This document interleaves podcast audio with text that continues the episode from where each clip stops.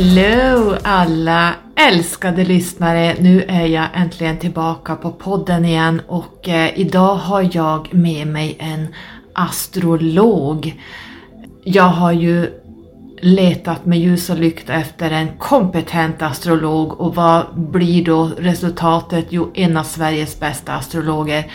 Eh, Alexandra Astro Alvis eh, gästar mig idag i podden och eh, jag tänker att vi ska börja lite grann med när hon berättar några detaljer kring mitt eget horoskop. Nu har jag klippt bort jättemycket annars skulle det här bli alldeles för långt. Eh, jag tar med sånt som ni, jag tror ni känner igen kring mig. Men överlag, när det, den lilla snutten är över så pratar vi om Saturnus återkomst. Vi pratar kring eh, karma, vi pratar om stenbockar, vi pratar om eh, eh, när Saturnus går in i de olika husen och aktiverar saker. Vad händer då och vad är det som belyses just i det, i det huset så att säga.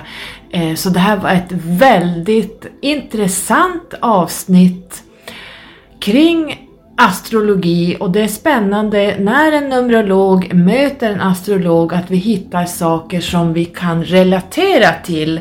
Så välkomna in kära lyssnare att lyssna och vill ni få kontakt med Astro Alvis Alexandra så kan ni hitta länkar i under här i poddavsnittet så att ni kan få tag på henne. Hon är enormt otroligt duktig kompetent och hon eh, jobbar tillsammans med andra astrologer. De har bland annat OPA Sverige, eh, hon har astrokurser, hon har eh, vägledningar. Eh, hon tillhör nog ytskiktet av astrologer i Sverige så att det var väldigt roligt att jag fick eh, äntligen med henne i podden. Vi har haft lite strul med att få till det, men nu så, nu eh, väntar ett avsnitt när en numerolog möter en astrolog. Det som är bra att se i ditt horoskop är att du har både av varje. Man vill inte ha antingen eller, för bara hårda aspekter ger ett svårt liv men bara harmoniska aspekter gör att man sällan tar sig någonstans utan man är nöjd med status quo och det är där man sitter och utvecklas inte. Du har mm. både hårda och eh, harmoniska aspekter. Jag vill börja med att säga att jag sa förut att du har en jämn fördelning mellan alla elementen i horoskopet, det vill säga eld, luft, vatten och jord. Jag vill börja med din lejonascendent, för det är det som alla andra ser först. Och det här är ju en toppen ascendent att ha, för att det här är ju solens eh, tecken, vilket innebär att du är något av en attraktionskraft, vilket rum du än går in i. Mm. Och säkerligen har varit många, speciellt kvinnor, avundsjuka på dig, speciellt när du var yngre och mm. gett nedlåtande kommentarer. För du är mm. som en sol när du kommer in i ett rum eller kliver ut från din lägenhet ut i livet. Alla tittar på dig, alla ser dig och du samlar folk omkring dig. Mm. mm. Det är inte det att lejon nödvändigtvis vill ha uppmärksamhet, Nej. det är att de får uppmärksamhet för att de är ljuset i rummet. Utseende och hur andra ser din kropp. Så vad du säger är Merkurius. Det är en helt annan sak. Så du har alltid attraherat uppmärksamhet till dig och det måste varit jobbigt för dig som bakom den här ståtliga lejonascendenten är en ganska besvärad stenbock, framförallt besvärad av sina... Du är ju en pessimist mm. och en optimist vill jag lägga till, men du är en praktisk, realistisk optimist. Ja. Mm. Det finns en aspekt mellan Jupiter som är den stora optimisten, den stora mm. turbringaren. I en harmonisk aspekt går den till din sol och din Merkurius. Vilket innebär att det finns en optimistisk ådra i dig, men den är väldigt realistisk. Ja. Det finns inte liksom illusioner när det kommer till dig själv eller din framgång eller till dina tankar och idéer. Utan det, måste, det finns alltid en praktisk förankring i Äh, går det här att göra och för att jag ska veta om det går att göra så måste jag titta på detaljerna i det för att kunna ha den här visionen. Det är på grund av att Jupiter är i jungfrun och jungfrun är detaljarbete. Så din optimism kretsar kring att ta reda på information och småsaker för att se om den här visionen du har är möjlig. Men visioner, det har du gott om. Du har en, ett stort sinne, mycket talang som är kopplat till skrivande, till kommunikation, till allt som berör hjärnan och tankar. Du kan också vara duktig med händerna. Du är säkert mm. väldigt praktisk med händerna. Mm. Gröna fingrar 100 procent. Mm. Kanske gör smycken, kan snickra möbler. Alltså otroligt duktig med just händerna. Så det är den positiva delen av, eh, av eh, din Sol och Merkurius konjunktion. Sen vill jag också säga att din Jupiter är i andra huset, vilket innebär att du kommer alltid klara det ekonomiskt. Eh, du jobbar hårt för det, ja. ska jag säga. Det är ingenting som kommer gratis överhuvudtaget. Nej, jag har sagt det. Och du överarbetar. Mm. Mindre detaljarbete, släpp saker tidigare för att pengarna kommer ändå komma in. Men frågan är om du lägger in för mycket arbete för de pengar du får. Du kan släppa på detaljarbete mer och korta ner ditt arbete för att kunna få mer värde, mer pengar för ditt arbete. De här små detaljerna som indrag på texterna eller exakt styckeindelning ja. eller att ta igenom allt. Byta ut synonymer så det inte är samma typ av ord. Den typ av tid behöver inte du lägga för att Nej. det får inte du betalt för tillräckligt Nej. mycket. Nej. Så att absolut dra ner på detaljarbete. Men när det kommer till pengar, Jupiter i andra huset ger alltid tursamma möjlighet när det kommer till tillgångar. Utan tvekan. Det enda problemet är att du inte överarbetar för de pengarna utan njut av dina tillgångar istället så att du har tid att använda de pengarna du får. Men pengar är inte ett problem. Det kommer inte vara det under ditt liv. Så att du vet det.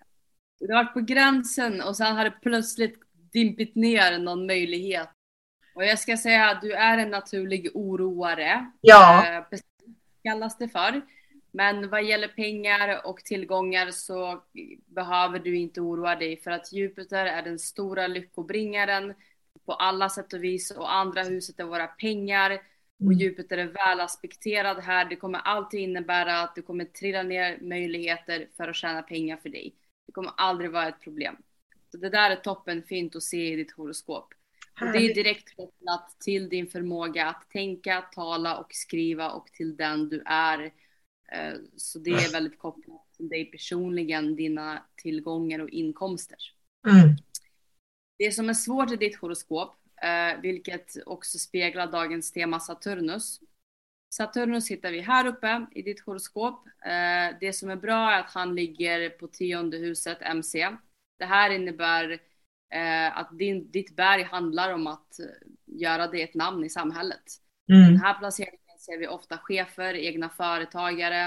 Eh, det här är människor som är jurister, advokater, domare. Mm. Mm. Alltså de har viktiga positioner i samhället av olika slag och har framgång i samhället. Däremot så är Saturnus i väduren för dig dels, vilket innebär att du kan ha haft svårt med auktoriteter. Yes. Egendriven, att du ska vara egen företagare. Ja. Du måste vara chef för andra chefer. Du kommer ha svårt med auktoriteter och har alltid säkert haft det. Mm. Så det här är en typisk placering för en framgångsrik egen företagare, kort och gott.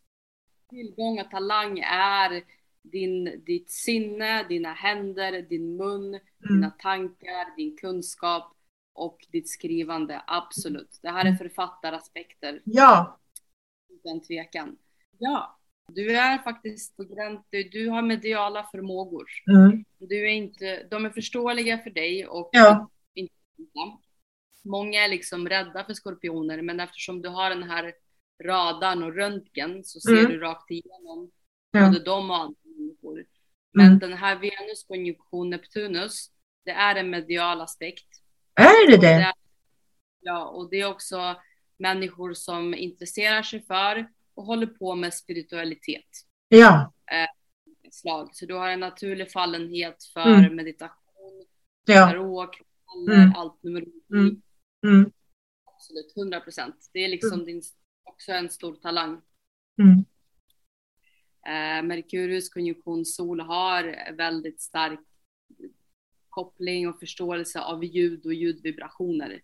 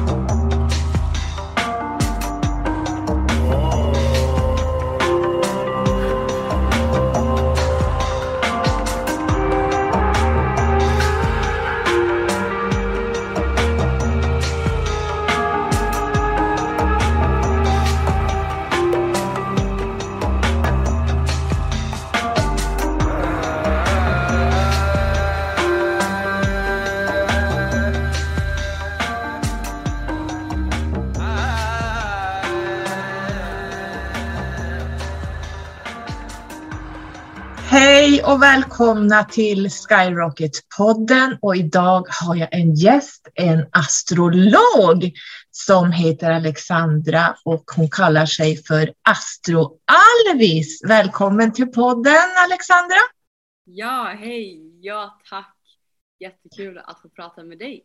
Ja, jag har ju letat en astrolog ganska länge och sen hittade jag dig via eh, sociala medier kan man säga. Eh, och du gjorde en live kring Saturn Return, alltså Saturnus återkomst. Och jag har fått lite frågor det här året av mina lyssnare kring just Saturnus återkomst. Eh, lite grann stenbockar som har skrivit och de är lite, en del är inne i det här, en del kommer att gå in i sin första. Jag har inte fått någon som går in i sin andra, jag kommer att gå in i min andra i och med att jag är gammal i gamet. Men eh, de flesta är lite oroliga för, för det här. Eh, så jag tänkte innan vi går in på Saturnus, stenbocken och de lite aktuella husen som kan aktiveras vid när Saturnus återkomst går in i, alltså den går runt ett varv 28-30 år och sen går den in i det huset där man föddes. Visst är det rätt så, så sagt? Inte exakt så, utan husen kan ju vara olika stora. Däremot så tar Saturnus 28 till 30 år på sig att gå runt de 12 stjärntecknen. Just det. Det är då den kommer tillbaka till samma plats som den, föd, som den var på när man föddes. Däremot beroende på vart man är född kan man ha olika stora hus. Och då kan Ja. Saturnus spendera längre tid i ett hus än i ett annat. Ja. Men innan vi går in på det här Alexandra, så vill jag att du berättar vem du är. Ja, självklart ska jag presentera mig. Så Alexandra Alvis heter jag och jag är född 1989. Så jag kom ut ur min första Saturnus återkomst för bara något år sedan. Och eh, det gjorde alla som eh, är födda 88 och 91 kan man säga som har Saturnus i stenbocken natalt då i sitt födelsehoroskop. Ja. Och de som går igenom en Saturnus återkomst nu är de som har den i Vattumannens tecken. Så vad gäller mig så har jag hållit på med astrologi sedan 2007. Öppnade en bok och eh, jag är soljungfru. Tyckte inte att det stämde in på mig och undrade varför. Började läsa vidare och upptäckte att det fanns måntecken, det fanns hus, det fanns Merkurius. Och sen 2007 har jag läst ihjäl mig angående astrologi. Praktiserande och professionell astrolog sedan 2016. Driver Oj. bloggen astroalvis.com, astroalvis på Instagram där det finns massa lives och information. Även Astrologiakademin på Facebook som är en grupp för astrologiintresserade. Håller i astrologiutbildningar och ger givetvis konsultationer både på födelsehoroskop och prognos. Allt möjligt. All info finns på astroalves.com så det är där ni hittar mig. Tack för det. Du är ju väldigt kompetent. Tack! Vilken tur att jag hittade dig. Ja, visst Eh, detsamma. Idag ska vi då prata om Saturnus, eh, stenbocken, Saturnus återkomst. Och jag har ju i juli gjort ett poddavsnitt kring de sjuåriga självcyklerna. Och då eh, tror inte jag att det har med Saturnus återkomst att göra sådär. Men vi, om man säger var sjunde år så utvecklas vi och blir lite mer mogna. Eh, ni kan lyssna på det avsnittet, ni som inte har gjort det. Men när man är sju år så separerar man från mamman. Man börjar skolan. Mamman är inte i centrum längre, utan det blir kamraterna som blir, man går in i en ny mognad och börjar titta på världen utanför. Sen kommer nästa när man då eh, är 14 år. Då kommer man in i tonåren, alla körtlar utvecklas, man hamnar i hormonellt eh, jobbigt tillstånd. Sen har man när man är 21 och så sen fortsätter det så här. Så, så att det är en sjuårscykel hela tiden. När man är 49 år når man en kritisk punkt. Då blir det mycket som kommer till en. Man, blir väl, man går in i visdomen efter det, på det poddavsnittet. Men sen inom numerologin så finns det tre stora utvecklingsfaser beroende på vad man har för numerologisk livsväg. Och jag hamnar ju då på en, i och med att jag är en master 33 så är min grundvibration en sexa. Och det innebär att jag har då eh, min första mognadscykel 0 till 30 år där jag är ungdom. Och det här känner du igen att man är i ungdomen fram till 30 år ungefär. Ja, fram till 28 precis. Mm, mm. Det beror ju på, har man livsväg 1 då kanske det blir andra åldrar så att det här är specifikt för mig då. Eh, min andra mognaden det är 31 till 57 år. Och sen min sista mognad är när jag då specifikt går in när jag är 58 år och då går jag i visdomen och då har jag en femma där. Men det ska vi inte ta idag, vi ska inte prata om numerologin. Lägga till att det är intressant att du nämnde det här med sjuårscykler, för det Ja. har faktiskt med Saturnus för att Har det? var, ja, för att var sjunde år så ställer sig Saturnus i transit, alltså den som rör sig på himlen, i Mm. kvadratur, en hård aspekt till ens natala Saturnus. Så när Ja, man pratar om Saturnus återkomst så är det en hel cykel på 28-30 år ungefär som slutförs. Men var sjunde år har man en kritisk period då Saturnus i transit i kvadraturens egen Saturnus. Så mm. där är det verkligen en ganska tydlig korrelation. vad coolt! Det där visste jag inte. Tack för det! Tack för det. Det var väldigt bra att få veta. För de här sjuårscyklerna, de kan jag se ganska exakt eh, vad som händer. Och det, då är det ju mycket, astrologin hänger ju hand i hand med numerologin någonstans ändå. Absolut. Mm.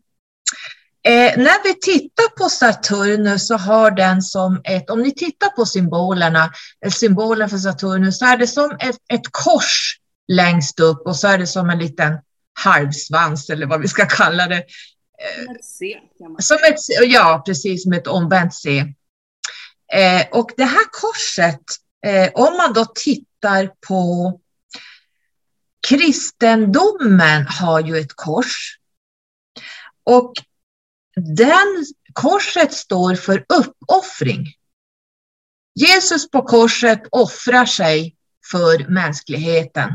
Och om man tittar på T, numerologin baseras på bokstäver och siffror, ljud, musik, energier, allting. Så T, bokstaven T, om man tittar på de rom, romarna, eh, så ansåg de att T var att du, du kan lämna ett märke i livet.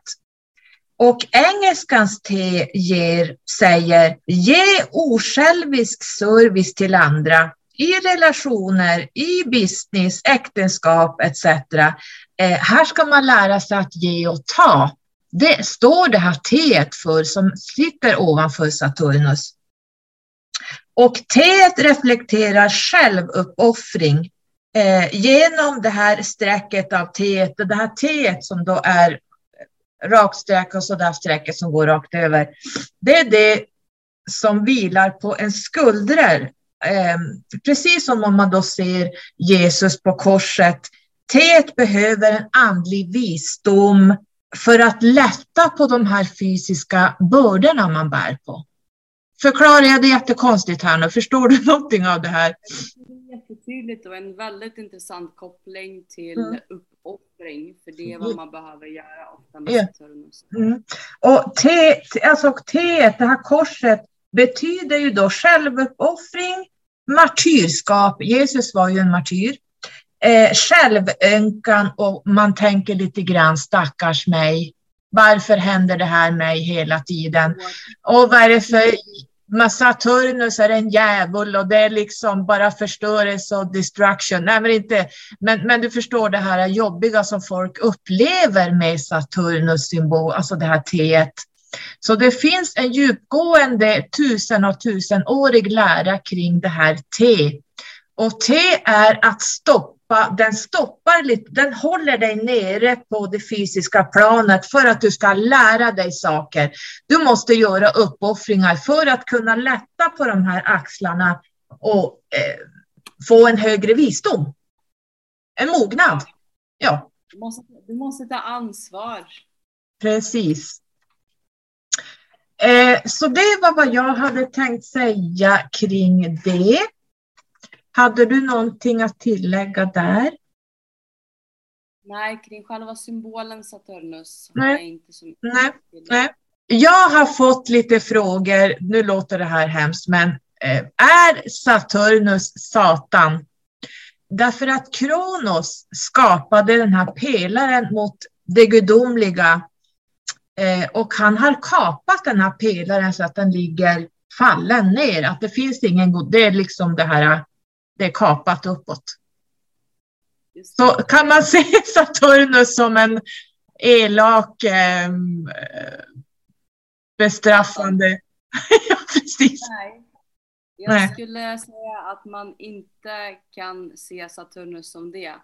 Kronos och Saturnus är tiden. Saturnus representerar bokstavligen den fysiska tiden som vi upplever tid och rum. Just det. Satanistiskt svårt det blir att befinna sig i tid och rum för en individ är upp till hur man hanterar sin Saturnus bland annat. Så för vissa är livet ett helvete, rum och tid. Och för vissa är det inte det. Nej, vi förknippar inte Saturnus med Satan, utan det är Pluto som styr undervärlden om man nu ska prata om helvetet. Men mm. helvetet himmel pratar vi inte om inom astrologi. Nej, precis. Och inte inom numerologi heller. Men det här var, det är många som upplever att det är själva Satan som kommer här. Så du förstår. Jag kan förklara varför när det kommer till, eh, till Saturnus. Men eh, för att svara på den frågan så nej, Saturnus är inte Satan. Han är tid och konsekvens. Mm. Vilka tecken, Alexandra, styrs av Saturnus för de som inte vet? Absolut. Saturnus styr normalt stenbockens tecken. Tidigare har han också styrt över vattumannens tecken, så han har fortfarande inflytande på både stenbock och vattumannen där han är stark. Nu mer när man upptäckte Uranus på 1800-talet, då fick Uranus styra över vattumannen men Vattumannen, eller Saturnus är stark i Vattumannens tecken. Saturnus är också stark, alltså eh, som man brukar säga upplyft i vågens tecken. Och på tal om tecken som Saturnus är svag i och har svårt att uttrycka sig i så är det kräftans tecken, Ja. det är vädurens tecken och det är lejonets tecken. Och jag har ju vågen i månen. Och så har jag lejonascendent. Så där är han försvagad där alltså. Framförallt så har du Saturnus i väduren där den inte är stark. Men du har Saturnus på din MC, tionde huset, som styrs av stenbocken och Saturnus. Så den är både stark och svag i ditt horoskop och i många där ser man vissa nyanser. Ja. Beroende på vilket hus, tecken den är i och också hur den är aspekterad. Det är viktigt att lägga till. Just det. Tack för den, då fick jag veta det. Um, har vi jobbigare än andra? Vi som har stenbocken i sol, ascendent, måne, har vi det jobbigare eller har vi, är vi van det här på något sätt? De som har planeter i stenbocken alltså ascendent, måne, sol, men även Merkurius, Mars och Venus, det är de personliga planeterna. Mm, Har man stenbocken, ehm, eller i vattumannen, eller i vågen, så tenderar man att uppleva Saturnus återkomster som mer bekanta, eller framförallt Saturnus energi som mer bekant. mm, Också om du har ett välfyllt tionde hus i ditt horoskop. Generellt sett om du har ett väl, alltså många planeter i tionde huset, då är du naturligt lagd mot Saturnus energi och uttryck och har lättare för den. mm, Eh, Även planeter, de som har planeter i jordtecken generellt sett, så också även jungfrun och eh, oxen och stenbocken, de brukar tendera att ta till sig Saturnus eh, egenskaper mer naturligt än till exempel tvillingars eller vädurar. mm, mm, mm. Bara kliva in och förklara vad Saturnus är för att man ska förstå vad den gör i horoskopet. Ja, Eh, och då kan vi också ta de följdfrågorna som, som kommer från, från eh, dina lyssnare. mm, Så för att det finns mycket skräck kring Saturnus och även Pluto. Men man ska föreställa sig Saturnus i varje horoskop som ett berg. Det är ditt personliga berg som du ska klättra upp på under livets gång. Det är därför vi också förknippar Saturnus med framgång, resultat och hårt arbete. För det är jobbigt att klättra upp för ett berg. Så när du föds så känner du inte till vilket berg du ska klättra upp på, hur det ser ut och vad det är för något. Ofta så är det våra föräldrar, det är auktoriteter, samhälle, olika regelverk som också skapar berg för oss att klättra upp för. Och det är därför Saturnus också styr de här sakerna, föräldrar, auktoritet, regelverk etc. Så det vi finner oss göra under livets gång är att vi ska upp på det här berget. Och de som har lätt för Saturnus energi, som har en stark Saturnus i horoskopet, de tar och planerar en väg. De ser toppen på sitt berg. De börjar titta vilken är den lättaste vägen som är bäst upp för mig. Många klättrar upp halvvägs, är första återkomsten, Ja. befinner sig vara på ett stup där det inte finns någonstans att ta vägen. Man måste klättra ner igen och börja om. Där har vi en svår återkomst. Många tar en svår väg där man klättrar, faller, klättrar, faller. Det stormar på den sidan av berget hela tiden. Och man inser inte att man fortsätter på den vägen istället för att välja en annan. Mhm. Så Saturnus återkomster och generellt sett aspekteringar och transiter av Saturnus behöver inte vara svåra, utan de är svåra när man inte har planerat och valt rätt väg upp för sitt berg, utan fortsätter att streta emot och gå envist på den svåraste vägen till det svåraste stupet eller försöker ta någon genväg och det tillåts inte. Så att för att ha en lätt Saturnus liv och framförallt återkomster och transiter av Saturnus så behöver man stanna upp och planera sin väg upp för rätt berg. För när vi klättrar upp för fel berg så känner vi oss olyckliga och tycker det är svårt för det är inte det berget vi vill upp för.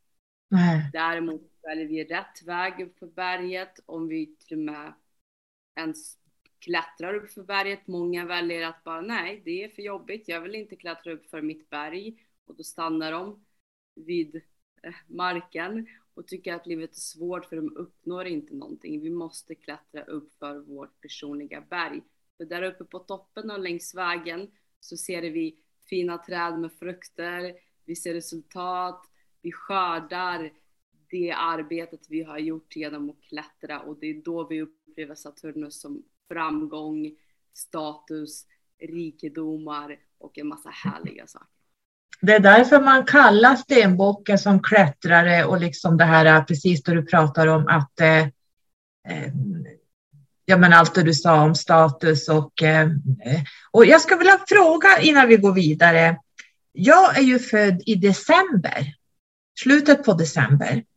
Jag har, vad har jag för grader i stenbocken? Jag har tre, tre eller tretton, vad var det, tre? Sol och Merkurius är konjunktion i fjärde graden av stenbockens tecken. Fjärde graden, så det är ganska ny. Och min syster, jag har två systrar, en av dem är januari stenbock. Och hon och jag är ju som skild som natt och dag stenbockar. Och har det någonting att göra, nu förstår jag att det är andra aspekter i som, som men, men om man tänker rent allmänt på graderna. Jag har hört, jag lyssnade på en podd där de pratade, det var en engelsk som jag inte kommer ihåg vars det var, eller vars det var jag lyssnade på, men där pratade man om att om man är inne i stenboken eller om man är inne i väduren eller vilket tecken man är född i och har man låga, låga grader, då är man, då gör man typ första livet i det tecknet. Och sen när man går upp till 28-29 grader, då, då, är man nästan klar i det tecknet. Då har man nått en mognad och kan gå över till, i mitt fall blir det ju då, eh, vad kommer efter mig, nu står det still i huvudet. Vattumannen. Vattumannen ska jag gå in i då, om jag nu får, om vi nu tänker på reinkarnation och så här. Eh, så jag har ju ganska många liv kvar i stenbocken.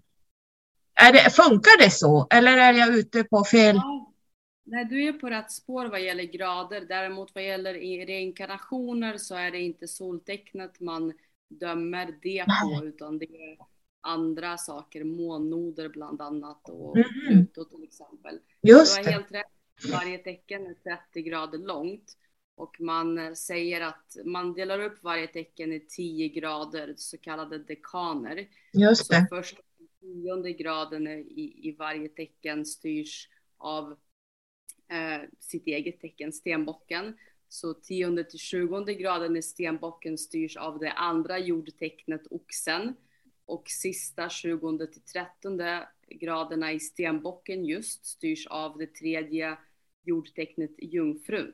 Ja. Så de här dekanerna och graderna har påverkan och de som har sin sol eller övriga planeter i tidiga grader, första till tionde i ett tecken, man kallar dem lite av ett barn som liksom springer bara och testar det tecknets egenskaper liksom fullt ut och ganska rörigt och ramlar ofta och är inte så bekant med det tecknets mm. energier. Medan de som är som har sina planeter från 20 till 30 graden i ett tecken. Det är mer av en liksom mogen äldre person som använder de här egenskaperna mer vist och effektivt för sig själv för att man redan kan de här tecknets egenskaper väl. Just det. Så då var jag inte så helt ute och cyklade, men tack för den, för att det har jag funderat lite grann på. Mm lägga till där att om du eh, som lyssnar ser ditt horoskop och ser att du har många planeter i början av tecken, så första till tionde graden, då brukar man kalla det för unga själar som inte har haft så många inkarnationer. Och tvärtom om du ser många planeter i 25 till 30 graden i något tecken så tyder det på att du är en själ som har haft många liv bakom dig. Just det. Inom Numerologin kan man titta lite grann på livsvägarna. Nu är det många delar, precis som i astrologin, men om jag nu skulle ha livsväg 1, då är jag ganska ny här.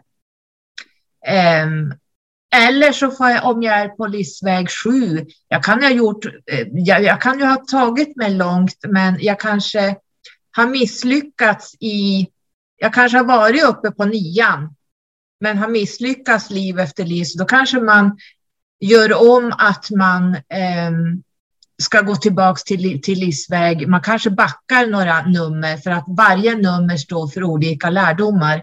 Och sen kanske man tar med sig födelsetiden, att du ska ha med dig Saturnus, du ska ha med dig olika saker. Allt det här hänger ihop eh, och bildar en, en jättestor personlighet, både andlig och eh, fysisk. Och, ja, men du vet det här, allting blir en stor helhet där allting spelar roll vad du gör här nere och vad som händer där uppe och sen får man se vad det blir av det. Stämmer bra och man kan säga som du sa, det här med att misslyckas. Eller misslyckas. Man, precis, det är inte helt rätt ord, utan Nej. det är läxor som man inte har Man har inte klarat av. De som reinkarneras till väldigt svåra liv, Mm. det är de som gång på gång inte har lärt sig en viss läxa och får en starkare och starkare vid varje inkarnation för att själen väljer ett sånt liv för den vill att man ska lära sig just den läxan och det kan man både se i numerologi och i Mm. horoskopet vad det är för sorts upplevelser och Mm. utmaningar och läxor Mm. man står inför karmiskt. Mm. Och det här är ju ett sånt otroligt bra komplement, astrologi och numerologi för alla sökare där ute. Eh, därför att du får egentligen svaren när du börjar eh, titta på din astrologiska karta eh, och titta på din numerologiska själskontrakt så kan du se jag kan ju se karma, jag kan se vilka skulder man har med sig. Jag kan se när du blir 40, 45, då går man in i, i någonting som heter mognadstalet som går in. Det är en ny vibration som går in när man hamnar runt 40.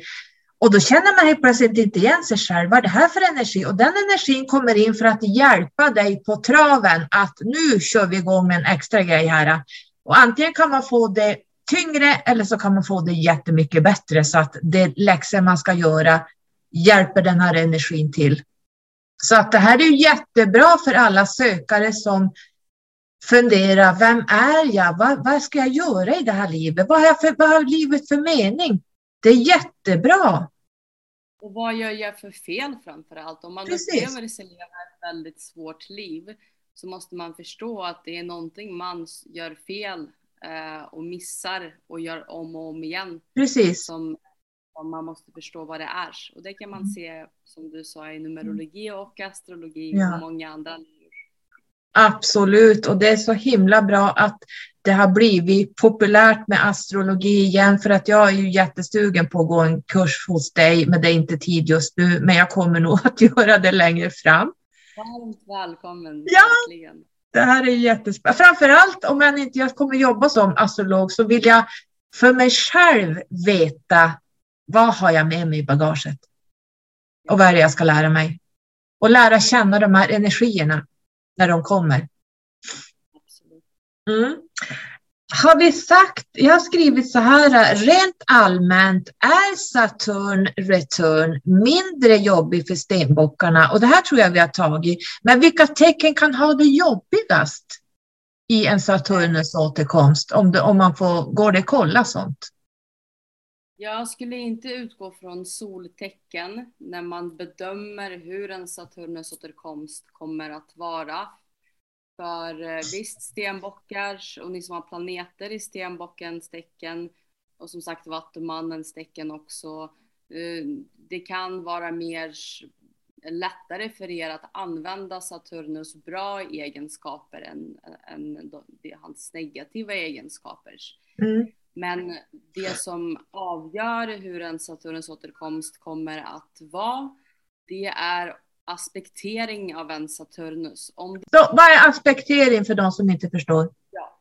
Så när man tittar på sitt horoskop så ser man en massa linjer och eh, det är aspekter, vilket är då vinklar mellan planeterna och de vanligaste är kvadraturer och positioner som räknas till de svåra och hårda aspekterna. Just det. Mm. trigoner och sextiler som är de sköna och härliga aspekterna. Mm. Vi har också konjunktioner där vi har två planeter väldigt nära varandra som i ditt, ditt horoskop så har du Merkurius konjunktion Sol i stenbocken. Så om du Vad innebär det för mig? Innebär det att jag... Eh, det innebär att du... Jag är duktig på att prata. Det stämmer bra. Och du identifierar dig med eh, allt som rör kommunikation, ord, ja. skrivande, mm. tal och dina tankar. Men otroligt! Vilket både kan vara en fallgrop eh, och en fördel för ens ja. tankar kan ju både vara negativa och mindre mm. så. Mm. Men när man tittar på hur en Saturnus återkomst kommer vara så handlar det mycket om om det är harmoniska aspekter, trigoner, sextiler mot Saturnus eller om det är kvadraturer och positioner mot Saturnus eller om den är konjunktion en personlig planet eller om det är en mix av de eh, både bra och dåliga aspekterna så att säga. Också vilket hus Saturnus är i och på den övriga sammansättningen av personligheten. Man kan säga generellt sett människor som har mycket luft och eld i horoskopet, de kan ha svårare Saturnus återkomster på grund av att Saturnus är ett planerande, stabilt, strategiskt tecken eller energi som eld och luft har svårare att ta till sig. Mm. De är impulsiva. Medan till exempel jordtecken kommer lättare att kunna hantera Saturnus återkomster och dess egenskaper. Det är det man tittar på, inte sitt soltecken. Okej. Okay. Har jag mycket eld i mitt horoskop? Jag har för mig att jag har mycket eh, väduren någonstans, eller minns jag fel? Du har faktiskt en ganska jämn fördelning på både eld, jord, eh, vatten och luft. Mm. Det är ganska ovanligt att ha det, men du mm. har en väldigt jämn fördelning på alla fyra elementen, vilket är att föredra. Ja, okej. Okay. Eh, för jag kan, jag är ju mycket, men jag känner ju att jag är ju väldigt stenbockig. Det ska vara ordning och reda och jag har svårt för det här äh, människor som inte tar ansvar för någonting. Alltså folk som bara, äh, spelar roll, äh, skit i det, nu gör vi så här. Eh, jag vill ha liksom, du vet så här, eh, lite så, struktur och det ska vara skrivas ner 40 A-sidor och du vet.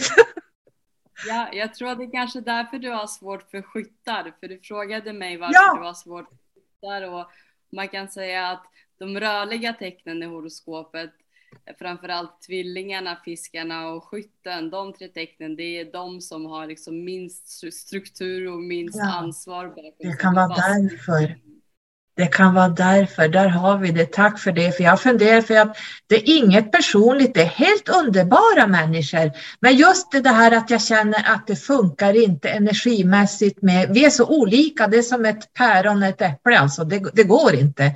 Därför att jag vill ha struktur och liksom nu kör vi på det här och, och så flattar nej men nu ändras det hit och sen är det så. och det, det har jag svårt för faktiskt. Nu har vi kommit till en fråga som många vill veta. Hur drabbas man i sin eh, Saturnus återkomst i de olika husen man har eh, där, man går tillbaka i sin eh, Saturnus återkomst i de olika husen och det finns ju 12 hus. Ni som inte är... Jag tror man kanske ska förstå husen. Eh, man får nog titta lite grann på, läsa på lite grann. Gå in på astroalvis.com och titta på de olika husen eh, om ni inte förstår det vi pratar om nu. För jag tror inte vi hinner gå igenom alla husen och aspekterna kring det. Utan jag tror att du bara ska få säga eh, varje hus, eh, vad det ger när Saturnus är i det huset. Absolut. Eller återkomsten.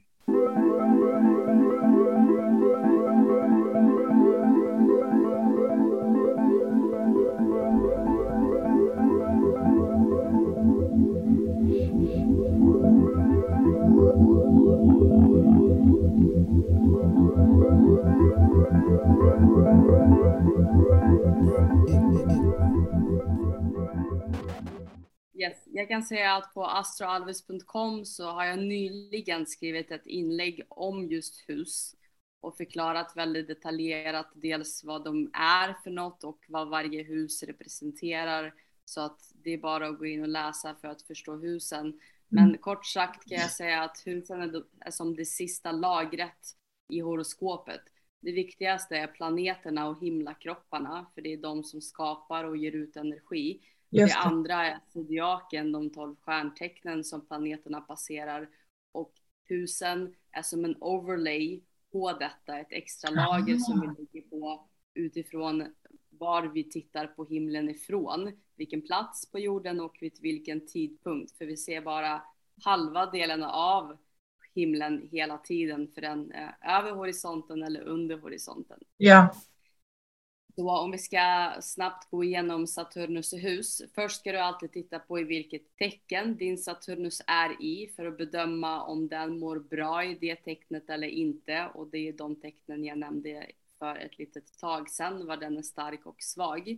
En stark Saturnus är ett starkt tecken för sig själv, kommer att agera och bete sig bättre än i ett svagt tecken. Det andra du ska titta på är hur din Saturnus är aspekterad, det vill säga är det hårda aspekter, opposition i kvadraturer, svårare återkomst, är det bonar och sextiler, betydligt lättare återkomst. Och sist ska du titta på i vilket hus Saturnus är i för att förstå var någonstans det här berget som du ska klättra upp på, vad det handlar om, det här berget för dig. För det är det huset beskriver där Saturnus är i, vad det är för berg. Att din utmaning är här i livet att bemästra och klättra upp för.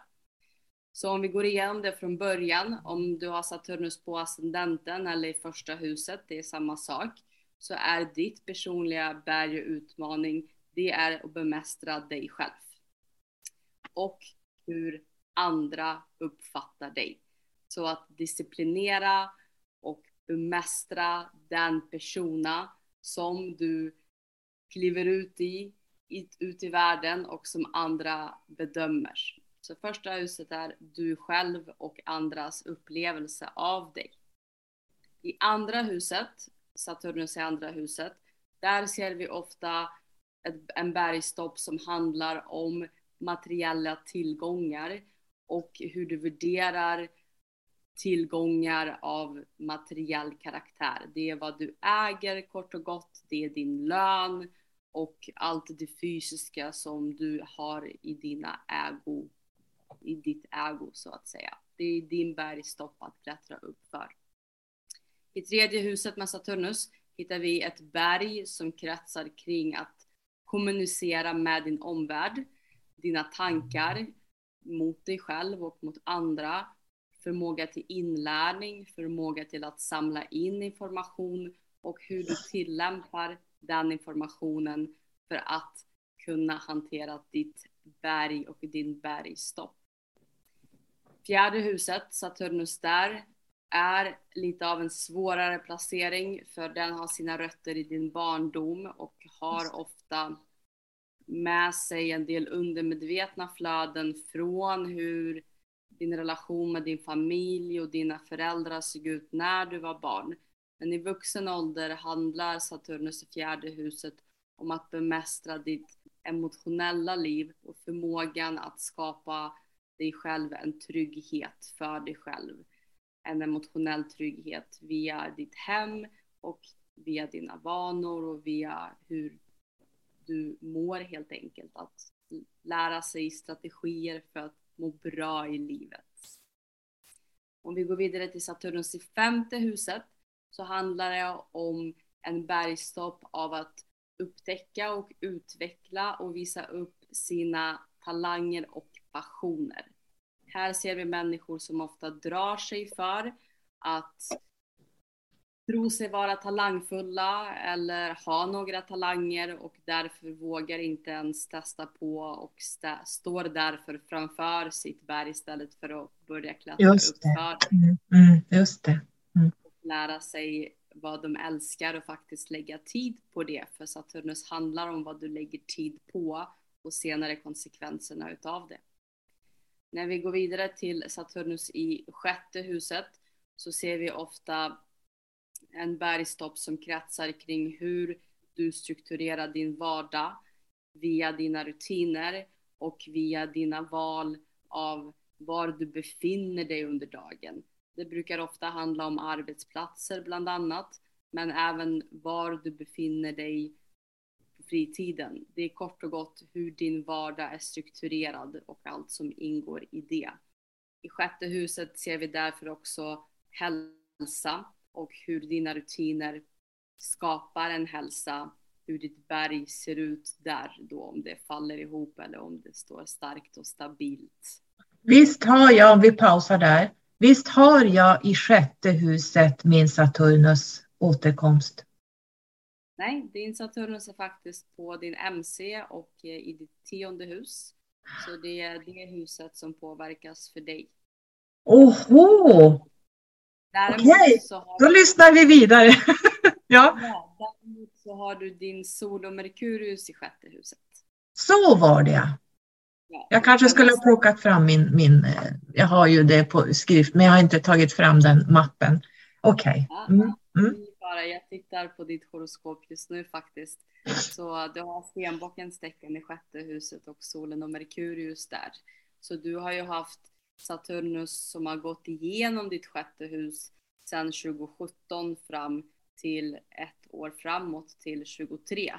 Så att sjätte huset har ju varit aktiverat för dig på grund av att Saturnus har varit där senaste åren. Thank you, I know. Det känner jag igen. Det var därför jag reagerade när du pratade om sjätte huset, för jag kände igen allt det där du sa. Ja, Saturnus är vår tredje värld. Det är Ja. vår fysiska tillvaro så att det är den planeten och dess påverkan som vi mest märker av i våra fysiska liv och det är svårt att missa de här transiterna. Just det. Så Saturnus i sjunde huset visar ett berg som, är, som handlar om relationer i livet. Och här blir det knepigare på grund av att här är andra människor involverade. Men framförallt så handlar ditt berg här, din utmaning, om hur du samarbetar med andra för att nå din egen framgång och din egen bergstopp, alltså relationer. Inte bara privata kärleksrelationer, utan här ser vi också relationer med kollegor och alla mer än bekanta personer i ditt liv, vänner etc. Ja. Saturnus i åttonde huset handlar om en bergstopp som egentligen går neråt under jorden snarare än uppåt. Så här måste du navigera kring eh, dina egna mörker, Ja. dina egna djup och dalar. Här är det verkligen ett berg som mest består av dalar. Och Saturnus i åttonde huset ger utmaningen att våga utforska dina dalar istället för att gå runt dem och ta genvägar. Eh, Vad är, det för, vad är det för planet som styr åttonde huset? Är det Pluto? Det är Pluto. Det är Pluto, ja. Ja, så jag är inte helt knäpp här. Jag känner igen det. Ja, Precis. Det är Just det. därför vi hamnar i undervärlden. ja under jorden. I åttonde huset, precis. Mm. Saturnus i nionde huset. Här är utmaningen och bergstoppen att utforska så mycket av det fysiska livet som bara är möjligt. Ja. Både via kunskap, och eh, den fysiska förflyttningen från en plats till en annan. Eh, här ingår också utbildning, det vill säga att utmaningen är att samla på sig så mycket utbildning som du kan tillämpa för dina egna framgångar och resultat i livet. Just det. Kommer till Saturnus på MC som du har eller i tionde huset så ser vi en ganska stark placering av Saturnus i sitt eget hus. Men det här är också en offentlig placering. Och den här bergstoppen handlar om hur och var du ska ta din plats i samhället som är rätt för dig. Här ser vi ofta personer som hamnar på fel sorts jobb eller ja. av fel anledningar blir chefer till exempel och mm. blir auktoriteter och finner utmaningar i det för att de har valt fel bergstopp att klättra upp på. Mm. Men Saturnus i tionde huset kommer alltid ivrigt att klättra upp för ett berg oavsett vilket berg det är. Så det är rätt viktigt att välja rätt sorts berg här för du ska ut i samhället uh, och klättra. Just det. Känner jag igen. Eh, jag har varit på fel arbetsplats i 30 år. Precis. Alltså tack för att du sa det, för att ja, det här har varit mina funderingar sista åren att helt avsluta det jag pysslar med nu. Precis, och här ser vi utmaningen och svårigheten med Saturnus generellt på grund av den tiden vi lever i där både samhället, föräldrar och andra människor väljer åt oss vilken bergstopp vi ska börja klättra upp för när vi börjar i skolan, gymnasiet etc. Mm. De väljer åt oss och sen finner vi oss på en plats på ett berg som inte är det som, som inte Precis. är vårt berg. Precis det som hände mig.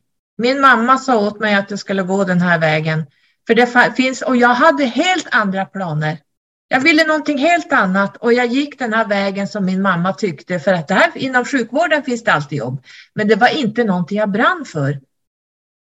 Och sen har det bara åren gått och jag har varit kvar där men det här känns fel. Ja, och det är därför det blir svårt för att dels mår man inte bra för man är på fel berg, inte i sitt eget och dels så inser man att nu måste jag ju klättra ner och börja om. Ja. Det är en svår insikt som Saturnus tar med sig till en och det är mm. därför det upplevs som svårt. Om vi går vidare till Saturnus i elfte huset. Här ser vi en bergstopp som också är offentlig och som också har med samhället att göra, men som handlar istället om olika samhällsengagemang i olika grupper i samhället.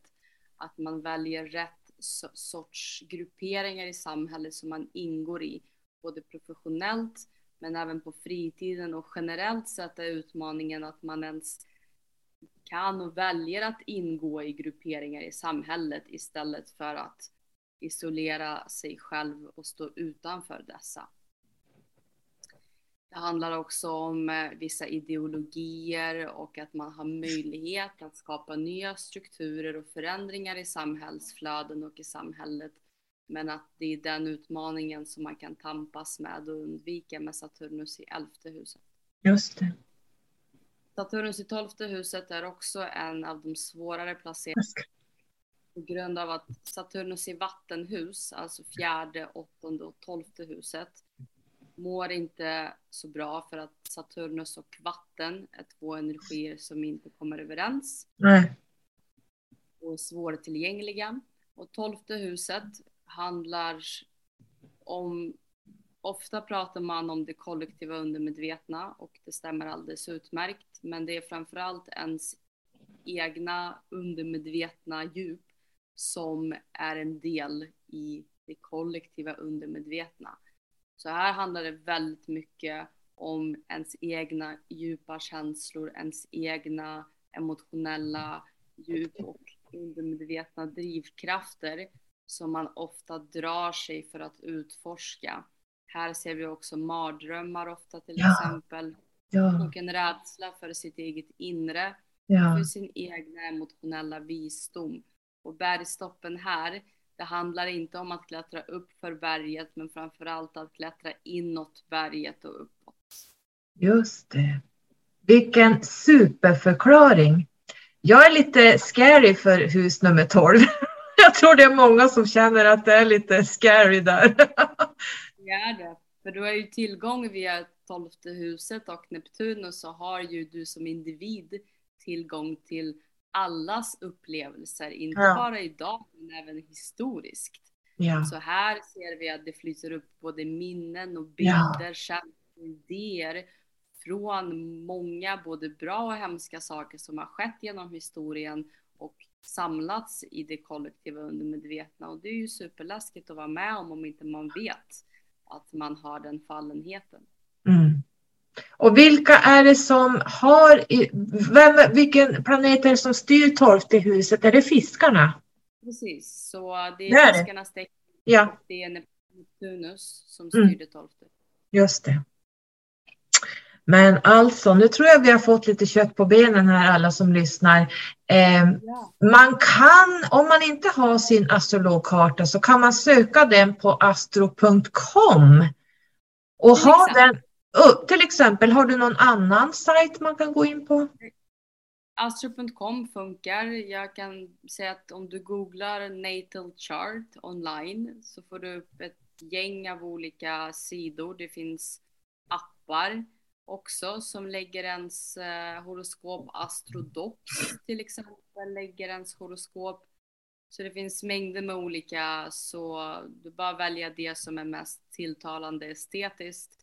Och jag vill slå ett slag för att titta på själva bilden av ditt horoskop och lära dig den istället för att liksom läsa texten där det står Saturnus i tolfte eller månen i väduren.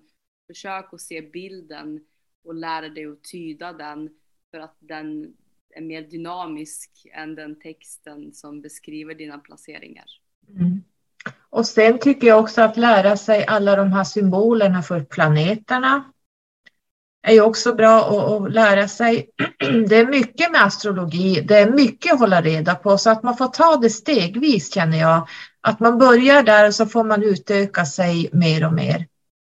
Ja, börja alltid med att lära dig planetsymbolerna Mm. och teckensymbolerna så Ja. att du ser att det är skytten när du tittar på skyttens Mm, symbol. Ja, Börja med att titta på planet i tecken, vad det betyder. Och sen kan du titta på planet i hus, vad det betyder. Och sen kan du gå till aspekterna. Och glöm aldrig aspekterna och lär dig vad de betyder och mellan vilka planeter de går. För det är det som ger den interna dynamiken i en person. precis. Och där kan man gå in på din hemsida och lära sig väldigt mycket för du skriver väldigt bra pedagogiskt så att man förstår, vi som inte är inom den här världen men som vill lära oss.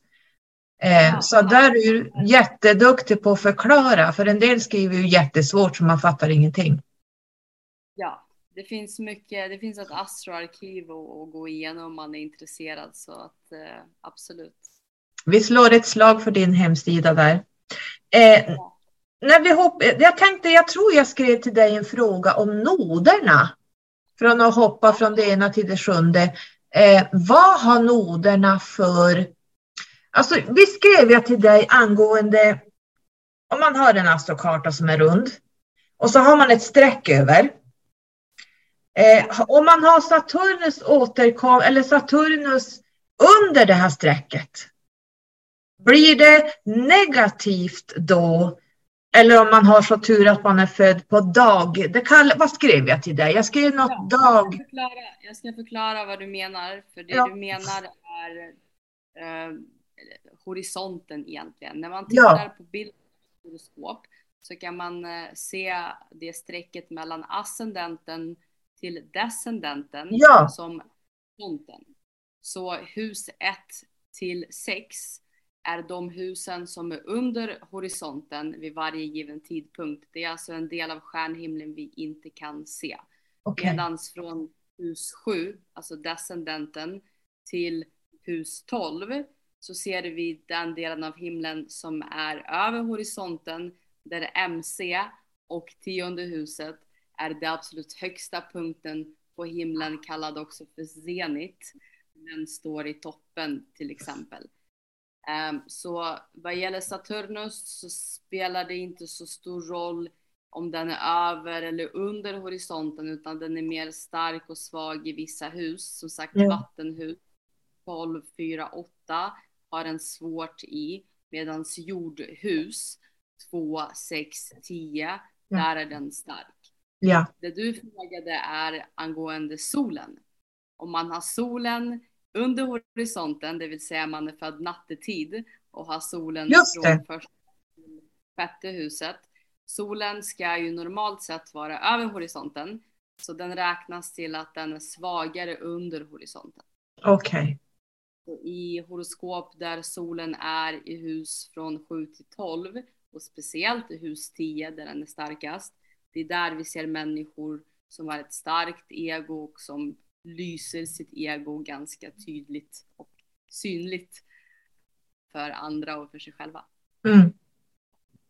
Okej. Tack för den. Men ha, är det noderna det? Nej, månoderna har ingenting med, med detta att göra utan månoderna pratar vi om när vi pratar om, eh, om karma i horoskopet. Ja. Bland annat Pluto är också involverad och Saturnus till viss del. Har vi tid att ta det eller ska vi lämna det? Jag tänker att karma och månoder kanske kan vara ett separat tema till nästa Det gång. kan vi ta. Abs- Absolut. Det, för vi har pratat nu klockan en timme och en kvart. Nu har vi pratat lite innan här, men en timme har vi pratat så jag brukar hålla mig till en timme ungefär. Tänk om det är någon mer fråga från dina lyssnare som... Oj, då hade inte jag dem uppe, men det var mycket kring Eh, allmänt att det här med Saturnus återkomst, eller när man går in i den första Saturnus återkomst, om man är stenbock, eh, om vi kan glida på det lite enklare eller om man har det svårare än andra. Och där fick jag direkt en känsla att vi har ju de här energierna med oss hela tiden, så jag tror att vi glider. För att om jag tänker på min första Saturnus återkomst, jag är ju äldre än dig. Jag går ju, jag går ju om några år in i min andra. Eh, min första Saturnus återkomst fick jag barn. Och jag separerade. Och bytte jobb kanske? Jag flyttade hem från Stockholm och upp hit. Jag gjorde en förändring att jag flyttade upp hit. Jag blev jättesnabbt gravid. Jag skilde, eller vi separerade när min son var två och ett halvt någonting. Ehm, så det var min Saturnus återkomst och när jag tittar tillbaka så var den inte så jobbig. Jag har varit med om betydligt jobbigare saker mellan Saturnus återkomst som har varit fruktansvärda. Så för mig var det inte så där, ja klart att det var jobbigt då. Dels att bli, flytta hem och så bli mamma och så sen separera efter två och ett halvt år. Ehm, men när jag tittar tillbaka idag så var det en, en piece of cake jämfört med det var mer en mognads eh, lärdom. Jag vet inte hur jag ska förklara det. Men eh, för mig var det inte så där jättejobbigt som en del beskriver att hela livet rasar. Nej, och det behöver inte vara jobbigt som sagt, utan det handlar så att man kan se Saturnus transiter och speciellt återkomster som en reality check. Ja, Det vill säga, du har kommit till en viss nivå på ditt berg och så plötsligt så behöver du titta omkring dig och se okej, okay, vart har jag kommit någon vart nu och vänta, finns det någon väg framåt här? Eller måste jag vända tillbaka och gå en annan väg? Eller kan jag bara fortsätta rakt fram eller välja den här vägen? Så att det är bara en reality check av det som du har åstadkommit fram till dess. Behöver inte vara jobbigt men innebär ofta vissa justeringar och skiftningar för att kunna välja väg framåt nu från och med då. Mm.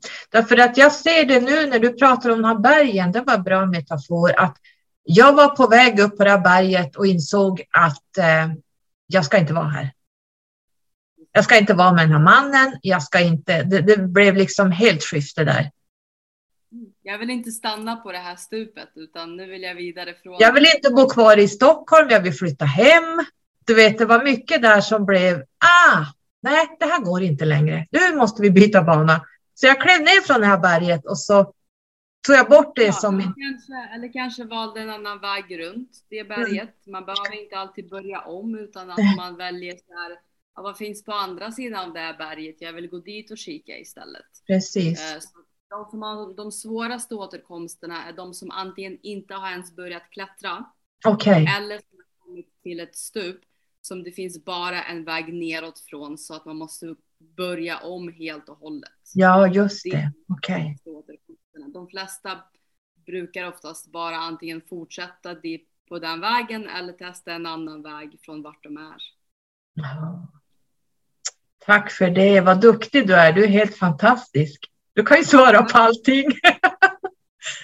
Hade vi någonting mer? Hade jag skrivit någonting? Nu har inte jag frågorna. Hade jag skrivit någonting mer till dig eh, som vi inte har belyst kring just Saturnus återkomst? Nej, jag tror vi har täckt det mesta. Det enda var väl det här om Saturnus i karma. Just det. Det var det någon som hade frågat, ja. Det stämmer. Mm. Och eh, som sagt, normalt sett så kopplas karma om man tänker på reinkarnationer och själens karma till månnoder, Pluto, åttonde, tolfte huset. Just eh, det. Vissa konfigurationer i horoskopet. Den karma som Saturnus tar med sig, det är den fysiska karman så som den mainstream förklaringen av ordet karma är. Vad du investerar är vad du får tillbaka. Så Saturnus är karma, men det är karma av en fysisk konsekvenskaraktär.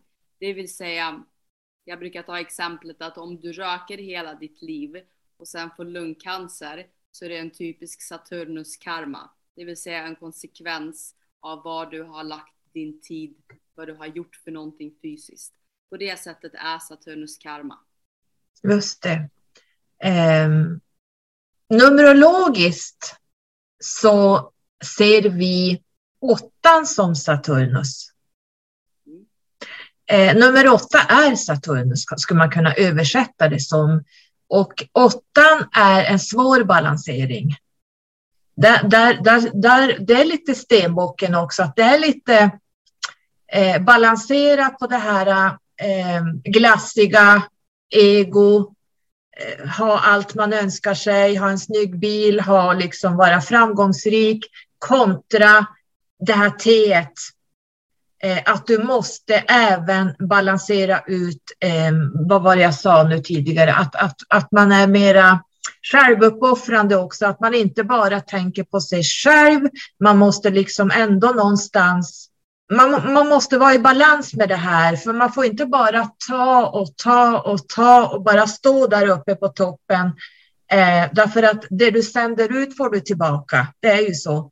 Eh, så åttan är det svår, svår segling brukar jag se det som. Eh, jag ser det lite grann, inte helt, men lite Saturnus energierna i åttan faktiskt. Den är väldigt svår, de som har eh, en åtta på livsvägen. Det, det är jättemycket utmaningar de har. Så jag ser åttan som, eller numerologer ser åttan som Saturnus lite grann. Och då kan man vända på åttan. Den har ju en ring och så går den så här.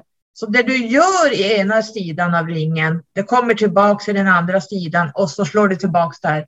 Så att det, det, är så här äh, hela tiden. Och det känns lite Saturnus i det här. Det återkommer. Det återkommer så här. Nu, nu ni som inte ser, vi ser varandra, men jag gör en, en liggande åtta här med fingret. Um, Evighetssymbolen som man brukar kalla ja, åttan. Precis. Mm. Mm. Precis. Allt du gör idag, varje sekund, varje handling, varje tanke som du gör nu, nu, nu, nu kommer du att få se ett resultat av Mm. imorgon, om en månad, om ett år. Det men det kommer. Vi vet att det kommer, men när det kommer, det vet man inte. Men det kommer alltid. Därför att det du gör i ena öglan av den här liggande åttan, det kommer gå runt och så kommer det tillbaka.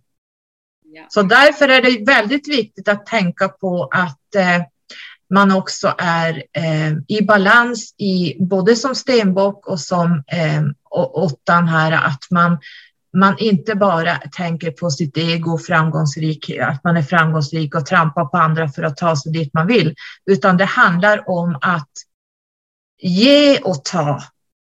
Man ger bort lika mycket som man tar. Ja, och varför gör jag det här? Ja, jag gör precis. det här för min egen framgång och status. Eller är status och framgång ett resultat av att Hjälpa kollektivet. Mm. Precis, av att jag har gett till andra eller skapat någonting. Det är bara ett resultat. Men det kan inte vara ändamålet. Nej, precis. Det tror jag ska få bli slutord här, Alexandra. Eh, jag tackar för att du ville vara med. Vi fick till slut till det. Det har varit lite så här fram och tillbaka med tid. Ehm, man kan hitta Astro Alvis på Instagram där hon heter Astro Alvis. Hon har en hemsida, astroalvis.com. Hon finns även på det här OPA Sweden. Hon samarbetar med två jätteduktiga astrologer, eh, Maggan, Margareta Hedin. Margareta Hedin och Anders Asker. Vi håller utbildningar och framförallt alltså om du är intresserad av astrologi, du som lyssnar, gå med i Astrologiakademin på Facebook och eh, gå in på astroalvis.com för där finns massa med astroinformation om måntecken, aspekter, allt du kan tänka dig.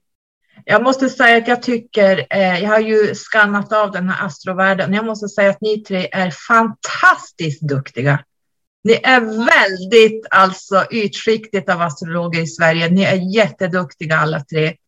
Eh, så jag är jättetacksam att du ville vara med Alexandra. I denna Tack, jag ska framföra det till mina kollegor Ja. också. Och jag, Och ni som-.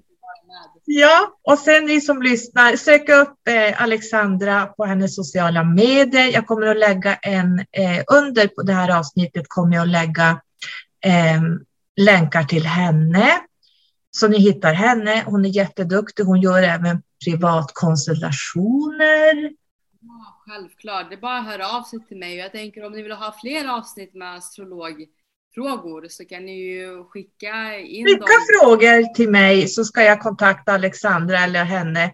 Vi har en därför, fråga och svar eh, vad sa du? Kan vi ha en frågor och svar Det kan vi ha, absolut. Eh, Vi får väl kanske då titulera Alexandra som eh, den här poddens astrolog. Ja, det tycker jag. Så där hör ni alla lyssnare. Vill ni veta mer om astrologi så skicka frågor antingen till, till mig eller Alexandra så ska hon försöka svara på det. Så tackar vi för den här gången Alexandra. Ja. Tack så mycket allihop och tack till dig. Ja, tack.